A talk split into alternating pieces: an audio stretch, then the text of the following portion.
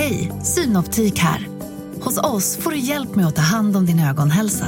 Med vår synundersökning kan vi upptäcka både synförändringar och tecken på vanliga ögonsjukdomar. Boka tid på synoptik.se.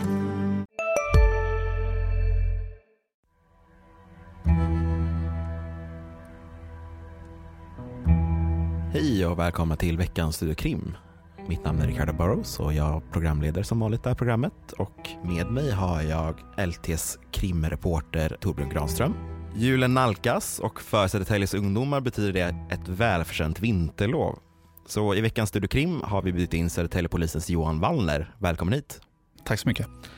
Du jobbar ju mot ungdomar eh, och jag tänkte höra med dig, vad, vad innebär det rent konkret? Eh, rent konkret, eh, vi, eh, vi jobbar eh, uppsökande eh, mot eh, människor i, i den offentliga miljön helt enkelt. vi jobbar på skolor, vi jobbar med hembesök och orosamtal och ja, vi är där ungdomar finns helt enkelt. Vad räknas som en ungdom här då? Ja, det är väl någonstans kanske mellan 13 och 18 år mm. ungefär. Mm.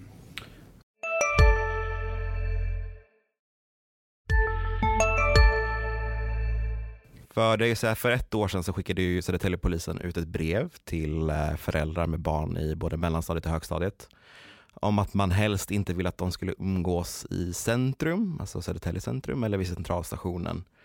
Eh, man pratade om det som en sorts riskmiljö eh, och nu stundar ju det här lovet. Så min fråga till dig, är situationen densamma idag? Ja, det skulle jag vilja säga.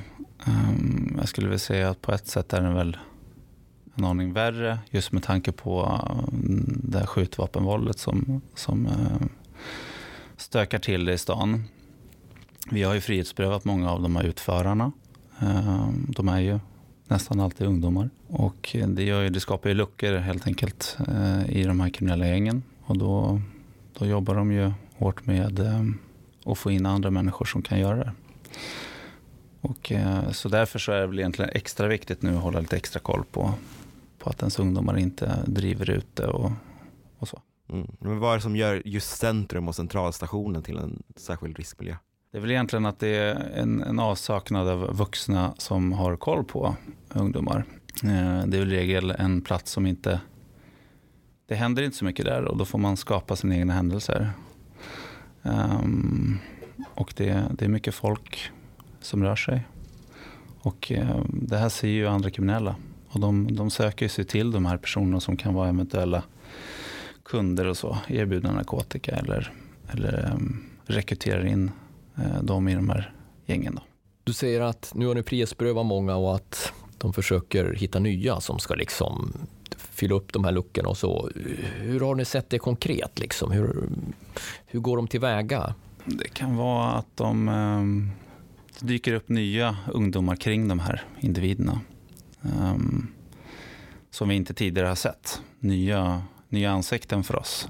Um, man ser att de börjar röra ja, sig runt de Ja, men precis. Att, att vi uppfattar det som att de är springpojkar till de här, uh, till de här kriminella. Uh, att de blir utförare. Vilka åldrar pratar vi om då? Det kan vara allt från 13, det är väl min erfarenhet i alla fall, någonstans runt 13-årsåldern där och uppåt så börjar det hända grejer. Men som förälder, alltså vilka varningstecken finns det? Ja, man känner sin ungdom bäst själv så. Men eh, jag skulle säga att om de ändrar unge, umgänge, eh, de plötsligt blir väldigt skoltrötta kanske eller eh, svåra att få upp på morgonen. Eh, det kan vara att man hittar ehm, så kallade OCB-papper eller grinders hemma Um, Vad är det för något? OCB-papper det är som risslapapper för att uh, röka marijuana. Men det är egentligen det användningsområde som finns. Då. Och en sån här grinder den, um, den har man för att mala cannabis då, och smula ner i de här jointarna som rullar. Så hittar man sådana saker så är det ju fara färdiga. Då bör man ju um, verkligen vakna till som förälder. Men det kan, också, det kan också vara att man kanske kommer hem med nya kläder en jacka, nya skor som du inte har köpt. Du hittar pengar som de inte kan förklara. Eh, eller att de saknar pengar plötsligt som de de börjar spendera mer och inte har pengar alls. Eh, och en vanlig förklaringsmodell kan ju vara från en ungdom att de säger att de lånat ett klädesplagg. Eh, och så kan det ju såklart vara. Men där kan jag väl tycka själv att man som förälder bör men, ta kontakt med den här personen som du säger att du har lånat av. Kolla med föräldern. Kolla ifall, har du verkligen köpt den här jackan till, till den här kompisen? För det kan annars vara rånbyten eller, eller så, stöldgods.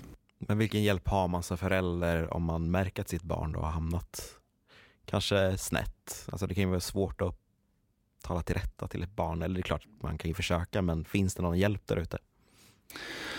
Ja, socialtjänsten finns ju där att, eh, att eh, stötta i, i ett problembeteende. Och misstänker man att en ungdom, eh, om man hittar de här OCB-papperna eller kanske narkotika själv, ehm, så kan man ju ehm, uppsöka Mini-Maria till exempel för provtagning och se.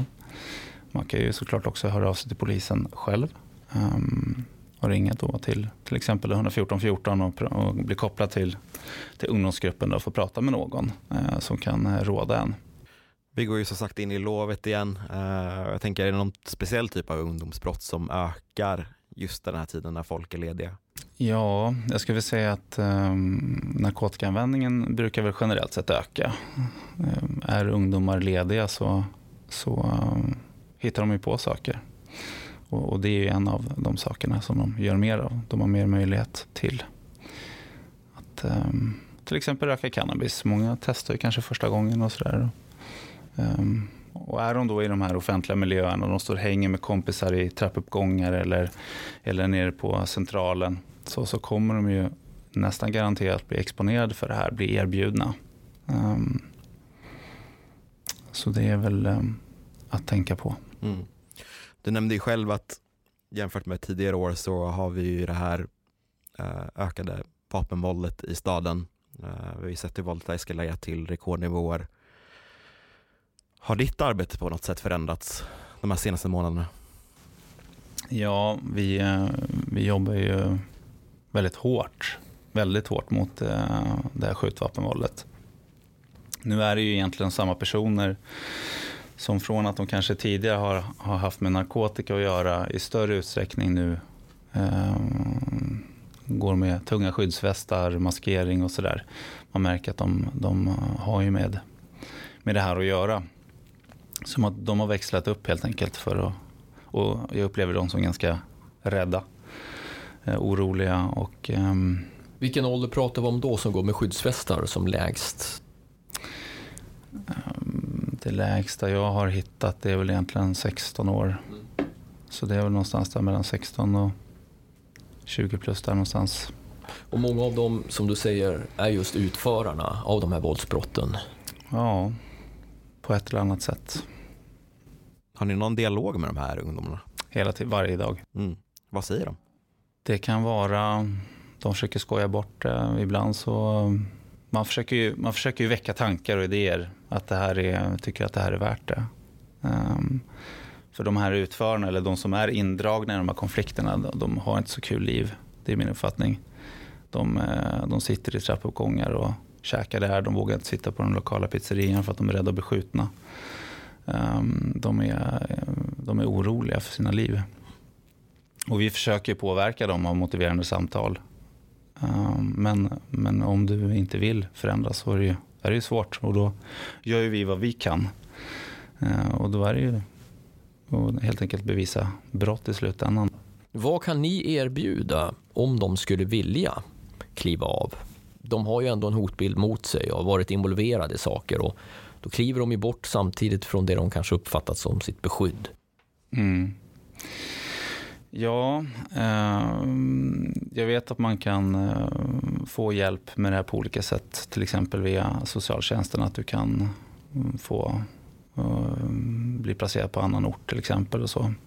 Jag kan inte gå in i exakt detalj vad man kan erbjuda. Men, men, eh, men det är klart att om du väljer att kliva av så kommer ditt liv vara annorlunda. Eh, så, så är det ju. För det är ett ganska stort steg för en ungdom ja. att kanske byta ort. Ja, det liksom... så kan det vara. Det behöver inte nödvändigtvis behöva leda till det. Men i vissa fall, när, om de är väldigt djupt indragna i det här, så, så, mm. så kommer de ha människor som är efter dem så kan det ju vara. Hur, får man fråga, hur många bedömer du, naturligtvis mellan tummen och pekfingret, för det finns ju ingen exakt siffra på det här. Men hur många utförare finns det ungefär i liksom ungdomsåldern, icke myndiga, i Södertälje idag som ni stöter på? Pratar vi om tiotal personer, ett tjugotal, hundra? Ja.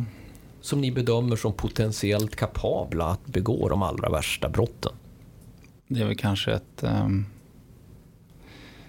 30-40 personer, någonting sånt där som, det är ju som, som många, man träffar. Ja, men ja. Det, det, det, kan vara hyfsat många. Sen är det ja. inte kanske alla som är beredda att, att, att, trycka av, men, men de är mer eller mindre indragna på olika sätt.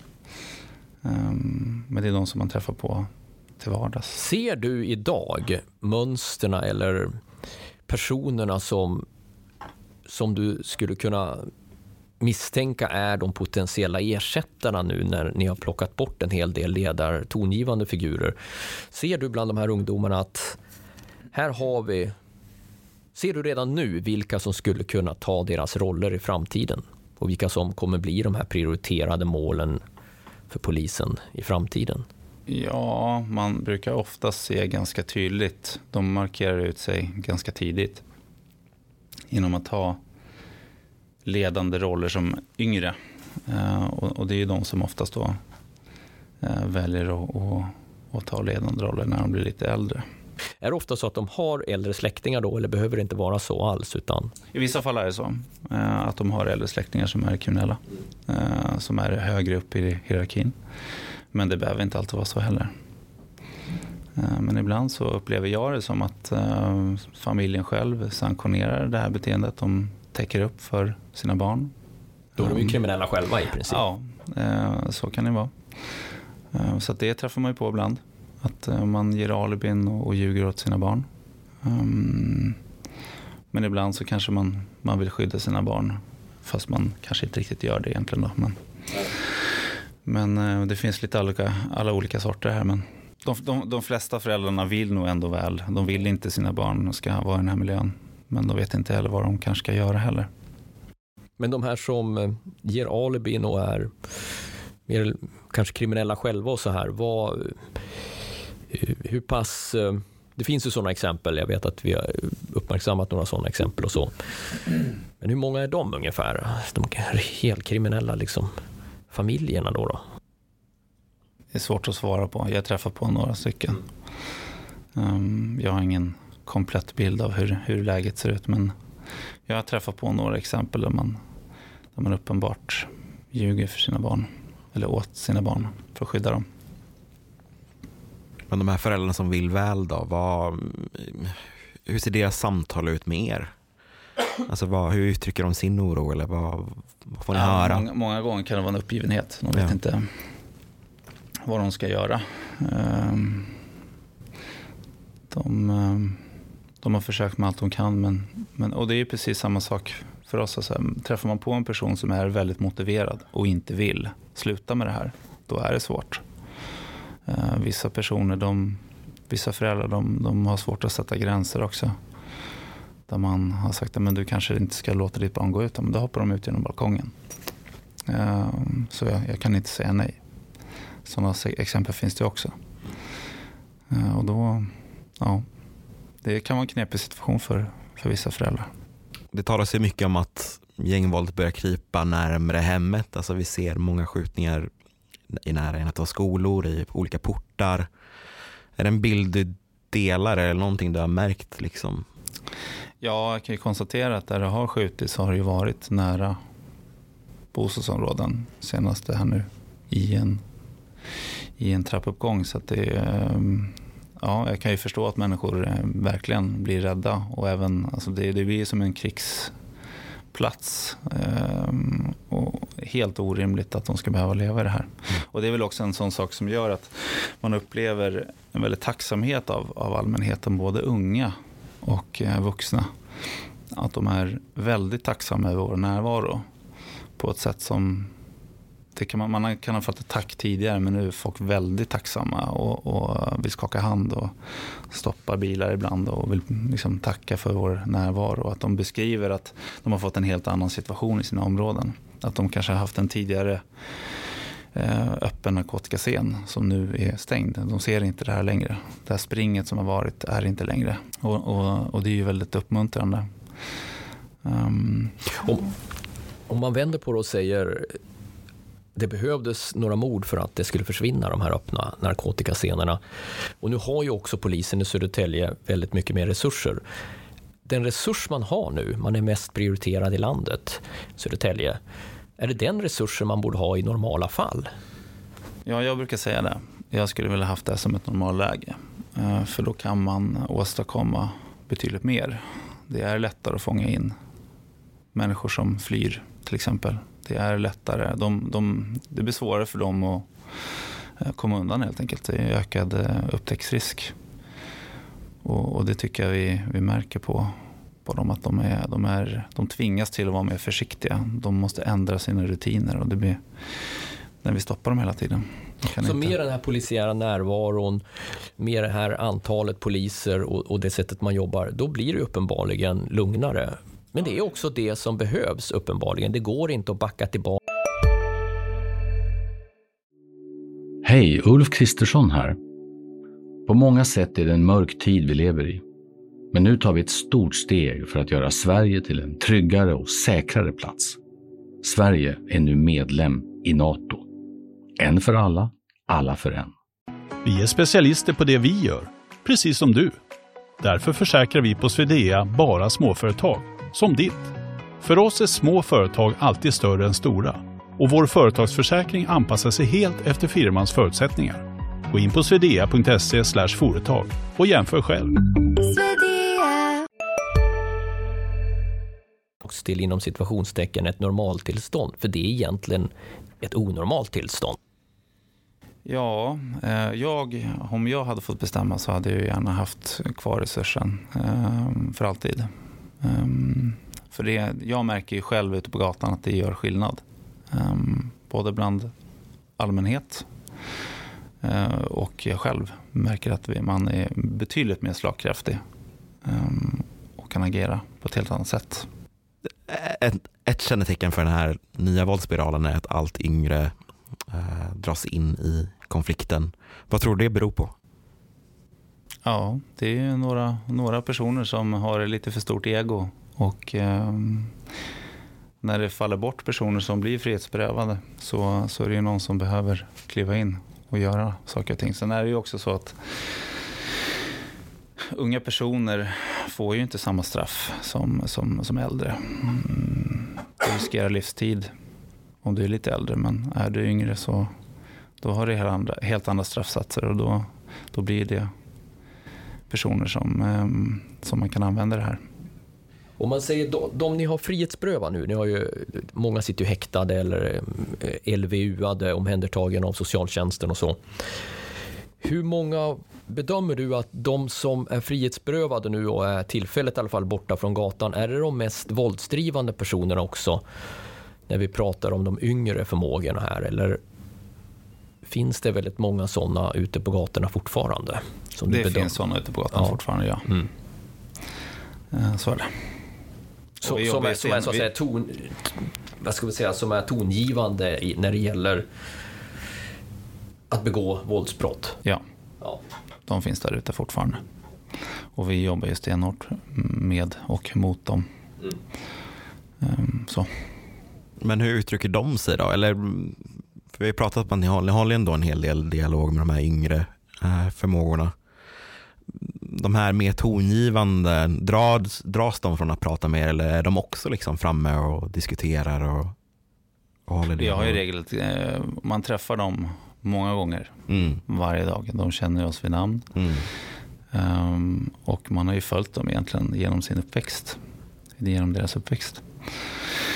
Så uh, de känner ju som sagt, vi, vi har ett bra snack med dem i regel. Uh, och ibland så, ofta så är det man kan stå där och, och tjabba med varandra medan man gör sitt jobb. Och mm. de accepterar nästan alltid det. Det blir, eh, blir ganska sällan dålig stämning. Det, det blir så ibland. Men ofta så accepterar de det vi gör. Um, jag tror det delvis kan bero på att de också faktiskt, just då när vi är där, då blir de inte heller skjutna. Då behöver de inte vara oroliga på samma sätt heller. Jag tror det kan ha en del, en del förklaring till det. Så att, um, men eh, ja, vi, vi brukar ha en väldigt bra dialog med dem.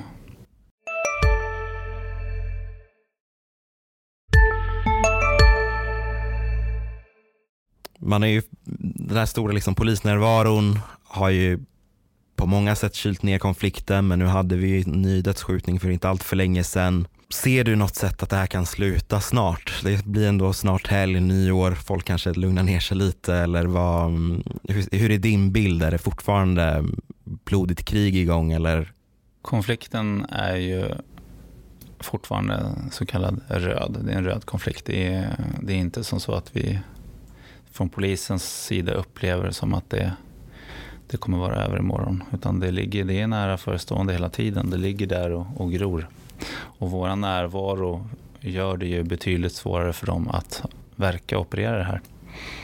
Jag ska säga att det är, det är till stor del det som gör att de inte har skjutit fler. Eh, så det, men vi jobbar på. Vi, eh, vi är många där ute som försöker jobba mot den här problembilden och gör allt vad vi kan. Men eh, jag kan inte se någon, någon, något nära slut på det här i alla fall utifrån min horisont just nu. För jag tänker du kommer kanske i kontakt ganska mycket med skolor och fritidsgårdar. Hur, hur uttrycker de sin oro just nu? Ja, alltså de, de skolorna som jag har varit och pratat med de har väl egentligen inte nämnt några... Eh, de har inte märkt av den här konflikten jättemycket. Då. Eh, alltså på själva skolan och sådär. Eh, de har inte nämnt någonting om några konflikter på skolan eller så kopplade till den här till de här skjutningarna. Mm. Så det, det, är inte den impulsen som jag har fått i alla fall från, från dem. Men eh, sen är det ju också så att det, det är ibland är ju nätverkskriminella personer som dykt upp på, på vissa skolor och försöker då, de jobbar ju med, med rekrytering eh, på alla möjliga ställen. Det kan vara fritidsgårdar, det kan vara på skolor. Eh, de kommer in på skolorna, säljer narkotika, lämnar även narkotika eller försöker liksom locka in. Och det här sker på eh, skoltid då? Ja. ja. Eh, sen vet jag att de har blivit utkörda från skolorna. Men, men jag vet att det, det förekommer ju att de, att de har tagit sig in på vissa skolor. Så är det. Det är väldigt, eh, nästan väldigt modigt av dem, väldigt kaxigt av dem att ändå gå in i någon sorts samhällsinstitution och, och försöka sälja narkotika. Har det alltid varit så här eller är det nytt? Jag tror nog det har nog varit så mer eller mindre eh, hela tiden. Det tror jag inte är ett nytt fenomen. Men som sagt, de jobbar ju med nyrekrytering, eh, de här. Och det kan ju vara, det som jag sa tidigare, det där ungdomar finns, där finns också de kriminella. Vad säger, vi har varit inne på det i och för sig förut, men vad säger föräldrar när ni pratar med dem om, om de här ungdomarna? Eh, hur, du säger att de är uppgivna eller sådana saker, men eh, finns det något, de här föräldrarna, är de, hur bedömer du att de här föräldrarna till de här kriminella ungdomarna är? Är det vanliga föräldrar eller pratar vi om föräldrar som inte är så där jättebra uppdaterat med samhället i övrigt och lever i ett utanförskap själva eller hur? Det finns alla möjliga sorter. Ja. Men eh, ja, vissa är vanliga, vanliga människor med de har hus och familj och allting sånt där. Eh, så i vissa situationer så kan man bli förvånad varför väljer den här personen det här. Men sen finns det de som har det mer trassligt hemma och så. Så det, ja, det, det, det varierar. Men tror du det sker en socialisering eller en normalisering av den här gängkulturen? Att det, det äldre gardet lär upp det, det, nya gardet på något sätt? Att det här är det man gör, det, det är en karriär på något sätt? Ja, det skulle jag säga att det, är, det är väl den, den bilden jag har av att man... Eh, det var en ungdom jag pratade med häromdagen som, eh, som stod, han stod helt svartklädd, maskerad. Han såg ut som vilken skytt som helst och jag påtalade det för honom. Det är farligt för dig att befinna dig på den här platsen klädd så här. Någon kan missta dig för att vara en person som ska skjuta någon. Och det skapar otrygghet också. Men, men i den kriminella världen så, så riskerar han ju åka, råka illa ut. Då. Och då bara rycker han på axlarna och säger så men om man inte bryr sig då. Det, det är liksom en ganska macho, macho beteende. Han var 15 år gammal. Eh, så att han, eh, han signalerar att han bryr sig inte om han blir skjuten. Och det där, eh, exakt var det där kommer ifrån vet jag inte, men, men den typen av attityd är ganska, ganska tydliga macho kultursbeteenden är ju inte jättebra. Och det stöter vi på. Definitivt att man ska, vara, man ska hävda sig och, och så. Nu är det här en röd konflikt och det är väl så att eh, det är hämnd och sånt här som ligger bakom också, kanske att det skjuts och så. Men vad behövs i övrigt tror du för att få en lösning på det här på lång sikt? Nej, men det är väl egentligen att de här aktörerna inte är ute och springer på gatan. De behöver bli frihetsberövade. De ska inte vara där ute. Utan det är när de här kriminella personerna som är väldigt motiverade, oaktat vilken anledning det är, så, så skapar ju det ytterligare våldsspiraler. Om de inte är ute på gatan så kan de inte, kan de inte det. De kan inte skjuta andra och de kan inte, inte bli skjutna av andra. Nej, och inte rekrytera andra ja. heller. Vissa det... poliser, vi har ju haft tidigare poddavsnitt, har till och med sagt att för vissa kanske det nästan är bäst att ha liksom leva under någon slags eh, översyn tills de är nästan 30-årsåldern innan de kan släppas ut i samhället och, och, och då kanske man har ett konsekvenstänk och eh, en annan eh, syn på tillvaron. Liksom, att annars, annars riskerar man bli skjuten eller skjutas eller Mm. Nej, men det, är, det är väl så. Uh, ungdomar generellt sett är ju framförallt killar, men även tjejer, är ju, uh, är ju mer risktagande. Så, och de här pojkarna eller killarna som, som dessutom har en, en dålig empati för andra människor, de, de kommer ju dålig empati och söker spänning. De, de kommer ju söka sig till de här konflikterna. Um, Vad beror den dåliga empatin på? Ja, det där kan nog vara flera orsaker. Det kan nog vara arv och det kan nog också vara att man är uppväxt med, med föräldrar som inte har har gett en så mycket eh, kärlek kanske, vad vet jag. Men eh, det kan nog bero på olika saker. Men det är väl en sån sak som jag, som jag, som jag möter att eh, de här personerna som, som personrånar eller, eller utsätter andra människor för förnedring, sån, rån och sådär. Eh, de, de, de, har eh, väldigt liten tolerans för egen kränkt, eh, kränkthet och, och, men har inga problem att och, trampa på andra. Psykopati kan ju faktiskt ja, också vara ja, inslag i det här. Ja, absolut. Men du nämner i alla fall att det, man får bilden att det är lite tickande bomber som Finns de inte liksom på gatorna då, då kan de heller inte skjuta. Och inte... Nej, nej. Det, det är väl min bild. Så att det är så här, när de är där ute och springer då, då är de också och rekryterar. De jobbar ju med att få in människor. Och genom att ha pengar och statussymboler och, och kanske köra fina bilar och så, så, så kommer det ju finnas andra då, unga personer som, ehm, som ser upp till det här. Sträcker de ut en hand då till de här personerna så, så finns det en risk att de nappar och så är, är det igång. Och det är väl egentligen då som sagt när de är yngre så är de mer risktagande. När de blir lite äldre så, så börjar de få lite mer konsekvenstänk. Hur ofta? Tycker att det inte är värt. Ja, det är inte värt längre. Jag tänker hur ofta stöter du på personer som eh, är i den här miljön och uppvisar det här beteendet och sen faktiskt kliver av och det har gått bra för? Ja, det är väl flera personer som, man har, eh, som har varit väldigt aktiva kriminella som efter att de har, eh, jag vet inte om det beror på polisen, men åtminstone de uppfattar det väl inte längre då som värt att vara i den här konflikten. De, de, det blir för mycket konflikter, det blir för lite pengar och, och, och då väljer de då att kliva åt sidan.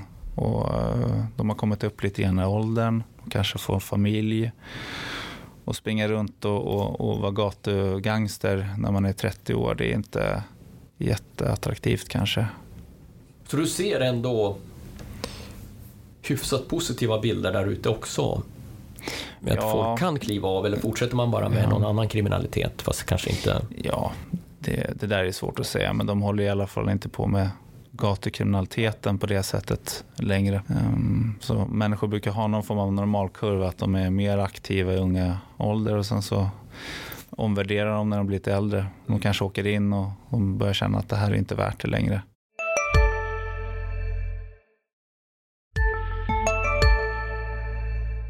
Ser du något ljus i tunneln i den här pågående konflikten?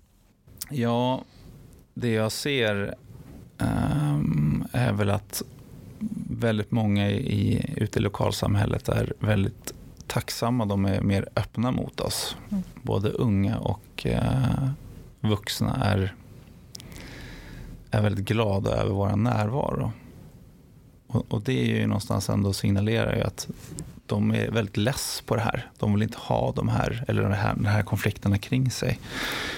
Um, så, så det ser jag väl ändå som ett, um, som ett positiv signal. Ja, det känns som att kanske hela samhället behöver ta, ta tag i det här. Inte bara polisen utan socialtjänst, föräldrar, skola. Alltså Ja, en kraftsamling. Ja, men så är, det, så är det. Vi kan ju bara göra viss del. Men um, vi jobbar ju hårt för att få, få med föräldrar och så. Uh, för det är ju de som kan hålla ungdomen inne om de, om de håller på med stort riskbeteende. Uh, och, och jobbar inte, får vi inte med oss dem, då, får vi, då använder vi, eller får socialtjänsten göra sina åtgärder. Då. Men ungar som inte är inblandade i kriminalitet, alltså, kommer ni i kontakt med dem också?